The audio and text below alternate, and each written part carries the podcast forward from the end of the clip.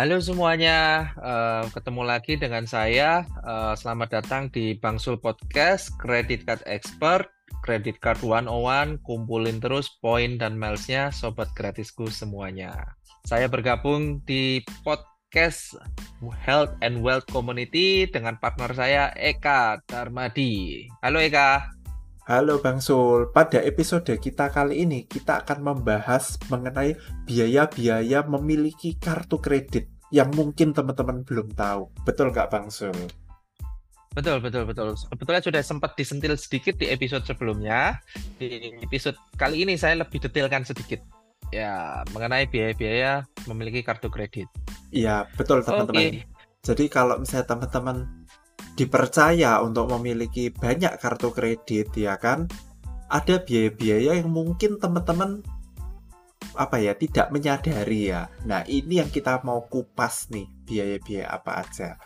Oke Bang Sul ayo kita mulai. Kita kupas biayanya apa aja nih Bang Sul oke yang paling umum diketahui teman-teman adalah iuran tahunan. Nah iuran tahunan itu sudah pasti ada Uh, untuk starter bisa dari yang gratis iuran tahunan, ada yang dari uh, ratusan ribu, seratus ribuan, tiga ratus ribuan, naik ke level lima ratus, tujuh ratus ribuan, level jutaan, satu jutaan, level satu setengah, tiga jutaan, level enam jutaan, level di atas sepuluh jutaan juga ada. Hmm. Nah, iuran tahunan ini uh, jangan khawatir ya teman-teman. Kalau untuk yang level-level uh, standar 3 juta ke bawah itu rata-rata bisa di, dihapuskan kok. Pengalaman saya hampir seluruh kartu kredit kecuali kartu kredit yang khusus ya invitation itu hampir semua bisa dihapuskan. Gitu. Oke. Okay. Dan jangan lupa nggak cuma kartu utama yang kena uh, iuran tahunan, kartu tambahan itu juga kena iuran tahunan. Hmm, iya, iya gitu. Iya, Jadi jangan-jangan sering kan ya teman-teman kadang-kadang eh, bapaknya dapat, nanti istrinya suruh tambahin. Nah itu sales kartu kredit tuh jangan dipercaya tuh, jangan asal iya aja. Mereka kan ngasih kartu tambahan ke kita kita supaya kita mereka uh, eh, KPI-nya goal lah ya. Mereka kan jualan ya, nggak nggak bisa diomong kejar target. Nah tapi kita yang menanggung iuran tahunannya jangan mau. Siap, okay. siap. Apalagi nih Bang Zul? Hmm. Sekarang biayanya yang lainnya adalah uh, biaya materai. Nah, biaya materai itu biasanya kalau transaksinya uh, lebih ya, lebih dari sekian juta itu kena biaya materai 10.000 gitu.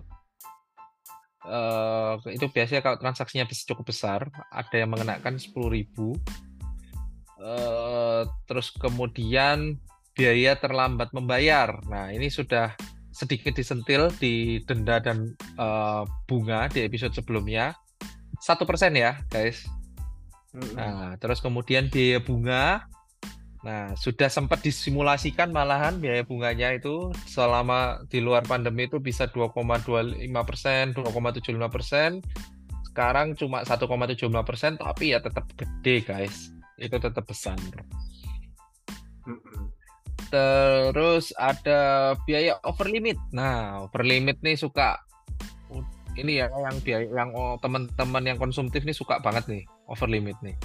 Dikasih utang cuma 3 juta, gajinya cuma 3 juta, pakai kartu kreditnya 4 juta. Eh, saya ditunggu aja debt collector depan rumah ya. Itu dia biasanya over limit itu bermacam-macam ya. Tiap bank beda-beda, tiap jenis kartu beda-beda. Tapi setahu saya nggak ada yang di bawah 100 ribu. Iya, sekitar setahu 150. Gitu, Rata-rata malah salah. sudah 200 ribuan. Mm -mm. Gitu.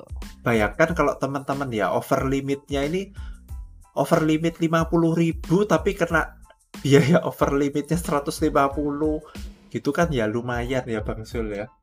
Iya, betul banget ya Kak. Rugi banget dong. Lebihnya cuma 50 ribu, dendanya 150 ribu ya. Boncos lah. Ini salah satu awal kita berboncos dalam kartu kredit. Merugi. Uh, Oke, okay. biaya selanjutnya. Biaya konversi tagihan ke cicilan. Nah, itu biasanya kalau biaya konversi tagihan ke cicilan ini kan kita ngelanjut ya dari yang sebelumnya itu kita uh, mindset konsumtif akhirnya bayarnya minimum kena bunga kena denda over limit pula ya ini semua mencirikan sobat-sobat yang belum bisa memanage keuangannya mindsetnya konsumtif gitu loh. Nah akhirnya dia pakai cicilan juga. Tapi jangan salah sih uh, biaya konversi tagihan ke cicilan tuh lebih murah jauh daripada bayar limit-limit uh, minimum-minimum tadi itu. Biasanya kalau bagus, bank akan menawarkan 0% cicilan, cuma bayar adminnya atau 100 ribu ya. Nah bayangin kamu misalnya beli uh, untuk usaha ya, bukan untuk konsumtif nih. Atau misalnya memang uh, konsumtif tapi memang harus dibeli. Contohnya misalnya uh, kulkas di rumah sudah rusak harus beli 2 juta, 3 juta gitu ya. Uh, kalau pakai bayar minimum, maka kan kena dua setengah persen tadi ya, 1,75 persen tadi. Nah, kalau bayarnya diubah ke cicilan bisa 0%, cuma bayar 100 ribu di awal. Atau uh, kena bunga tapi kecil. Setahu saya 0,5 persen, 0,3 persen, 0,7 persen. Nggak ada yang sampai di atas satu persen. Biasanya. Gitu. Iya, iya jauh kan dibanding yang tadi 1,752 persenan gitu. Selanjutnya biaya apa lagi nih yang sering terjadi? Uh, ada beberapa kartu yang kalau kita ngajukan aja kena ngajukan naik limit aja ada biayanya, di approve pun ada biayanya. Biasanya 100 ribuan, 50 ribuan. Ya, betul. Itu beda-beda. Lagi-lagi kembali ke masing-masing jenis kartu, masing-masing bank beda-beda. Kalau biaya tarik tunai gitu berapa ya Bang Sul biasanya Bang Sul? Nah, itu uh, habis ini saya mau bahas tuh. Sebelum sebelum ini saya mau habisin yang biaya-biaya uh, admin dulu ya, Eka ya. Siap, nah, siap. Biasanya saya akan bayar dulu biaya OTP atau SMS. Nah, itu admin-admin tuh biasanya 5 ribu, 10 ribuan. Nggak terlalu besar ya, wajar lah ya untuk IT-nya mereka mungkin tapi kan kita dapat kemudahan dan keamanan. Nah, biaya cetak tagihan. Nah, ini kadang-kadang teman-teman ya kita di zaman digital kok masih minta yang jadul ya, masih minta dicetak, dikirim ya jelas pasti ada ongkos kirim nyet ngeprint sama kurirnya buat ngantar ke rumahnya teman-teman. Kalau zaman sekarang saya sarankan apalagi kita kan sudah uh, tech savvy ya, sudah ngerti banget lah siapa sih yang nggak punya email gitu tinggal pakai dirubah ke digital jadi supaya nggak kena biaya cetak tagihan. Kalaupun kena biasanya paling cuma 5000 karena kan digital sudahan. Itu bias ada lagi biaya notifikasi. Nah, notifikasi tadi sama dengan yang OTP dan SMS. Biasanya 11 12 ya, Kak. Kadang kalau sudah kena notifikasi nggak kena yang SMS, cuma bahasa-bahasanya aja beda-beda antara bank A dan bank B. Oke. Terus uh, biaya penggantian kartu yang hilang atau rusak. Itu rata-rata per bank 100 ribu, 200 ribu. Ada yang ngasih gratiskan satu kali atau dua kali. Nah, kembali lagi beda-beda masing-masing bank. Nah tadi yang suka nyicil.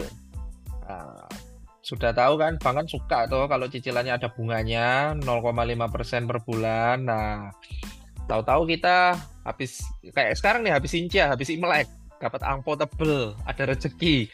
Mau kita lunasin lebih awal. Oh, sorry, Bang nggak mau. Kan dia sudah berpotensi misalnya kita nyicil 12 bulan. Jadi kan 0,5 misalnya bunganya dikali 12 berarti kena 6%. Nah, kita ternyata dalam sudah jalan tiga bulan kita ada rezeki mau lunasin. Nah, itu kena denda biasanya. Itu makanya kalau mau nyicil cari yang 0%. Cari yang 0%. Gitu. Lanjut uh, biaya uh, pembayaran kartu kredit. Nah, ini macam-macam. Ada yang kalau bayarnya pakai via ATM itu nggak baik, nggak kena uh, nggak kena biaya gitu. Ada yang kena biaya uh, ada yang kalau dari bank lain itu kena biaya, ada yang nggak kena biaya. Nah, masing-masing tiap bank beda, tapi biasanya biayanya cuma 2.500 sampai 5.000 rupiah. Itu ya kayak transfer antar bank aja. Gitu. Nah, triknya kalau di saya, saya biasanya cari bank yang memberikan fasilitas transfer ke rekanan bank lain itu bebas bebas biaya. Contohnya kayak sekarang nih yang lagi promo kayak gitu Okto ya, uh, CMB Niaga atau Genius dari Bank BTPN. Itu transfer ke bank lain bebas biaya. Jadi saya bayar kartu kredit saya iuran yang lain-lainnya itu dari bank itu. Begitu Eka. Mantap. Nah, kemudian biaya auto payment, auto bill. Nah, itu sering tuh nggak mau ribet diregister-registerkan tapi akhirnya kena biaya tambahan. Kalau saya pakai kartu kredit itu melatih disiplin. Jadi kita uh, ngerti kapan waktunya bayar A, B, C, D, E, F, G. Nah, termasuk penggunaan uh, auto bill. Nah, saya lebih suka bill saya nggak registrasikan karena itu nanti akan ada biayanya. Bervariasi tiap bank, kadang-kadang 5.000, 7.500, 10.000 itu. Oke, saya kira hampir semua ya. Oh ya, reward points. Nah, ini points dan miles ini yang sering saya uh, promosikan ya, saya kampanyekan. Nah, itu ternyata untuk menukarkan ada biayanya, tapi saya nggak bilang nggak semua bank ada. Minimum sih yang ada banknya dan biasanya yang uh, kena biaya seperti itu untuk penukaran poin dan miles itu kartunya akan saya hindari. Karena masih banyak kok yang lain memberikan poin dan miles earningnya bagus, rewardnya bagus, untuk nukarin syaratnya nggak kena biaya, nggak bertele-tele. Gitu. Macam-macam, kenanya berapa? Biasanya sih kena potongan ya kak, bukan biaya di uh, uang kan, tapi misalnya Potong saya mau nukarkan potong poin. Nah, misalnya saya mau milesnya saya tukarkan 10.000 miles gitu. Biasanya eh, lima persennya atau 10 persennya kena potong poin. Jadi yang ketukar nggak 10.000 tapi 9.000. Semacam itu. Iya, betul, betul. Ada Terus lagi bang biaya uh, biaya penutupan kartu. Ada beberapa yang kena ikan sih, tapi biasanya kalau kita pengguna yang uh, rutin hampir nggak kena sih. Selama kita uh, tagihannya sudah dilunasin dibayarin itu uh, hampir semuanya nggak kena nggak kena itu untuk biaya itu. Oke jadi itu untuk yang admin admin things ya biaya bunga dan admin things. Ada satu melanjutkan uh, podcast tem kita yang sebelumnya mengenai perilaku mindset yang konsumtif itu biasanya kalau mereka ini sudah suka bayar minimum, suka over limit, suka ya, eh, nggak uh, tepat waktu bayarnya lagi, terlambat. Ada satu hobi lagi ya kak, yang dia suka itu. Tadi yang sempat saya potong dari Eka, sorry, yaitu suka tarik tunai. ini biasanya sudah apa ya? Tarik tunai itu di ATM guys, pakai kartu debit, jangan pakai kartu kredit kartu ngutang kok dipakai tarik tunai. Bunganya besar, guys. Itu bunganya tarik tunai itu 6% setahu saya. 4 persen, 4 persen sampai 6 persen. Tinggi banget. Dan dia biayanya itu per hari. Saya dulu juga nggak paham seperti ini. Saya coba-coba iseng loh ya, Saya coba iseng-iseng ngambil satu juta dari ATM pakai kartu kredit. Padahal di rekening saya ada, saya cuma iseng aja, pingin tahu sih gimana perhitungannya. Per perhitungannya harian ya kak. Nah persen itu per apa? Per bulannya gitu ya Bang Sul ya? Iya, per bulannya 4 sampai 6 persen, tapi dia kenanya per harian. Jadi selama kita belum lunasin itu penarikan tunai, perhariannya kena. Jadi misalnya 6 persen eh, dibagi satu bulan kalendernya misalnya 30 atau 31 gitu kan. Nah, mm -hmm. perharinya kena berapa? 0,2 persen. Iya, perharinya. Perharinya. Gitu. Hmm. Perharinya kena. Itu saya pernah iseng nyoba dulu. BCA saya saya tarik, padahal di rekening ada. Cuma mau tahu aja karena saya tahu kan nanti saya bayar eh, tagihan tang akhir bulan gitu kan sudah muncul statement oh kenanya sekian perhitungannya sekian gitu. Hmm, oke. Okay. Coba cuma pengen tahu aja ya Bang Zul ya. Iya, kepo saya, penasaran gitu loh. Nah, eh, bank itu mengenakan 4 sampai 6 persen di situ. Itu luar biasa sih. Nah, Oke, siap. Makanya siap. jangan janganlah, janganlah, jangan di bunga-bunga yang seperti ini nih, denda-denda, biaya ini ini kan semuanya sesuatu yang controllable sebetulnya. Ada di kontrolnya kita, bukan uh, di kontrolnya bank, bukan di kontrol eksternal. Kontrolnya ini di kita. Kita mau kena bunga ini, denda ini, itu kan pilihannya kita. Kalau bisa ya kita hindarin, jangan sampai kena. Betul nggak? Betul, betul Pak Zul. Nah, kecuali teman mabuk ya, akhirnya lupa bayar gitu, ya itu nggak tahu lah. Iya. Nah, jadi teman-teman yang udah mendengarkan ya, tadi kan biaya-biaya yang kita bilang itu kan banyak banget ya. Kalau kita di listnya ini ada 18 teman-teman. Itu dari satu kartu ya teman-teman ya. Jadi di sini kita pengen teman-teman itu bisa aware bahwa ada biaya-biaya ini di kartu kredit yang teman-teman miliki. Betul ya Bang Zul ya? Betul. Nah, Betul. contoh apalagi kalau teman-teman punya lebih dari satu kartu ya kalikan aja kalau kena semuanya. Nah, kalau di saya contohnya saya punya lebih hampir 20 kartu ya Eka ya. Nah, itu kalau manajemen saya nggak sesuai, wah, saya sudah kegulung dari kemarin-kemarin ya, Kak.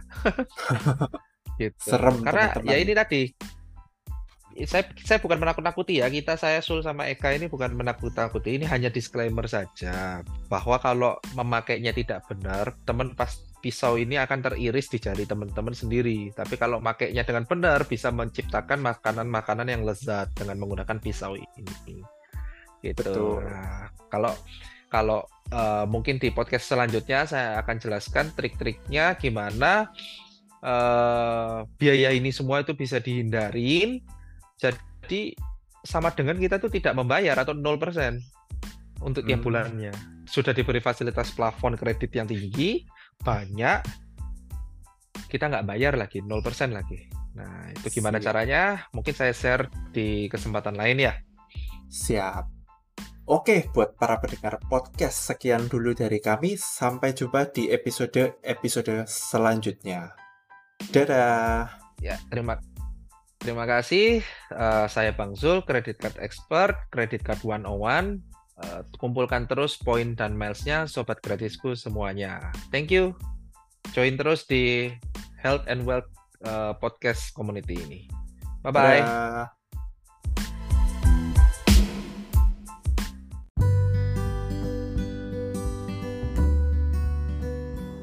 Terima kasih sudah mendengarkan podcast kami. Teman, jika Anda rasa bermanfaat podcast kami ini, Anda bisa menginfokan kepada rekan kerja Anda, keluarga Anda, teman ataupun sahabat Anda. Dan jika ada hal-hal yang Anda ingin tanyakan kepada kami ataupun topik-topik apa yang Anda ingin kami bawakan, kami sampaikan, Anda bisa DM kami di Instagram kami healthcommunity.id. Salam one two three. Salam sehat, sejahtera, dan bahagia.